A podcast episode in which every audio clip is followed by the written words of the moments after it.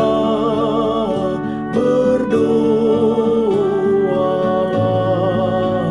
siang malam berjaga dan ber- Mari bersama Radio Advent Suara Pengharapan mengikuti pelajaran Alkitab melalui audio Sekolah Sabat. Selanjutnya kita masuk untuk pelajaran hari Minggu tanggal 28 Mei. Judulnya Jalan yang terlihat benar di mata manusia. Mari kita mulai dengan doa singkat yang didasarkan dari Lukas 17 ayat 1. Yesus berkata kepada murid-muridnya, "Tidak mungkin tidak akan ada penyesatan, tetapi celakalah orang yang mengadakannya." Amin. lawan musuh yang kuat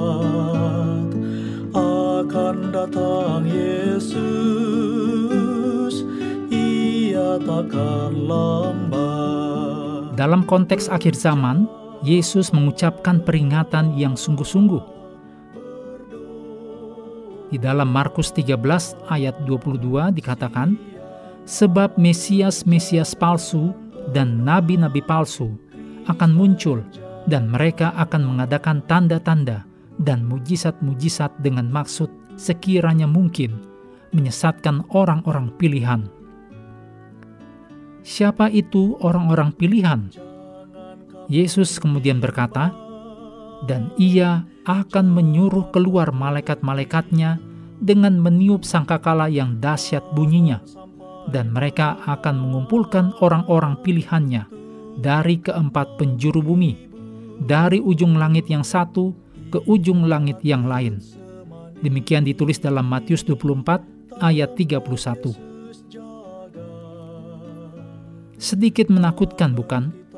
Ketika penipuan di akhir zaman akan begitu besar, sehingga bahkan orang-orang yang setia pun akan berada dalam bahaya tertipu.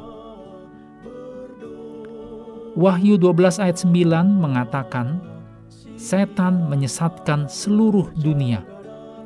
Jelas bahwa Tuhan akan memiliki umat yang setia di waktu terakhir, seperti yang telah Allah miliki selama berabad-abad. Namun, kata seluruh dunia menunjukkan betapa luasnya penipuan setan sebenarnya. Amsal 14 ayat 12 dikatakan, ada jalan yang disangka orang lurus, tetapi ujungnya menuju maut. Orang sering diberitahu agar mengikuti hati nurani mereka sendiri untuk menentukan sendiri apa yang benar atau salah, baik atau jahat, dan kemudian hidup sesuai dengan itu. Tetapi kitab suci mengatakan bahwa kita semua adalah orang berdosa, semuanya rusak. Demikian ditulis dalam Yeremia 17 ayat 9 dan Roma 3 ayat 9 sampai 18.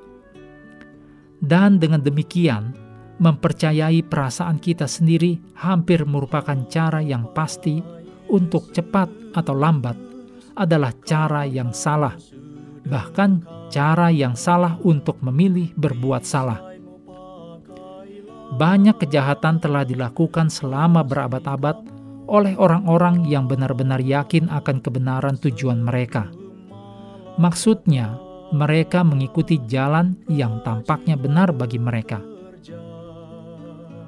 Sebaliknya, kita harus membenamkan diri dalam firman Tuhan, dan dari firman Tuhan, saat kita berserah kepada Roh Kudus, kita belajar membedakan kebenaran dari kesalahan, mana yang benar dan mana yang salah, mana yang baik dan mana yang jahat. Bila kita kembali kepada perlengkapan diri kita sendiri, atau bahkan perasaan kita sendiri, kita menjadi mangsa yang mudah ditipu iblis. Pikirkan contoh-contoh orang yang telah bertindak berdasarkan apa yang mereka yakini benar, atau bahkan apa yang mereka yakini sebagai kehendak Tuhan, tetapi telah melakukan hal-hal jahat. Berbagai peristiwa tragis ini mengajarkan kita berhati-hati untuk apa yang diyakini manusia semata. Mengakhiri pelajaran hari ini, mari kembali ke ayat hafalan kita, Yohanes 17 ayat 17. Kuduskanlah mereka dalam kebenaran, firman-Mu adalah kebenaran. Kami terus mendorong Anda mengambil waktu bersekutu dengan Tuhan setiap hari bersama dengan seluruh anggota keluarga, baik melalui renungan harian, pelajaran sekolah sahabat, juga bacaan Alkitab sedunia, percayalah kepada nabi-nabinya, yang untuk hari ini melanjutkan dari Mazmur 22. Tuhan memberkati kita semua.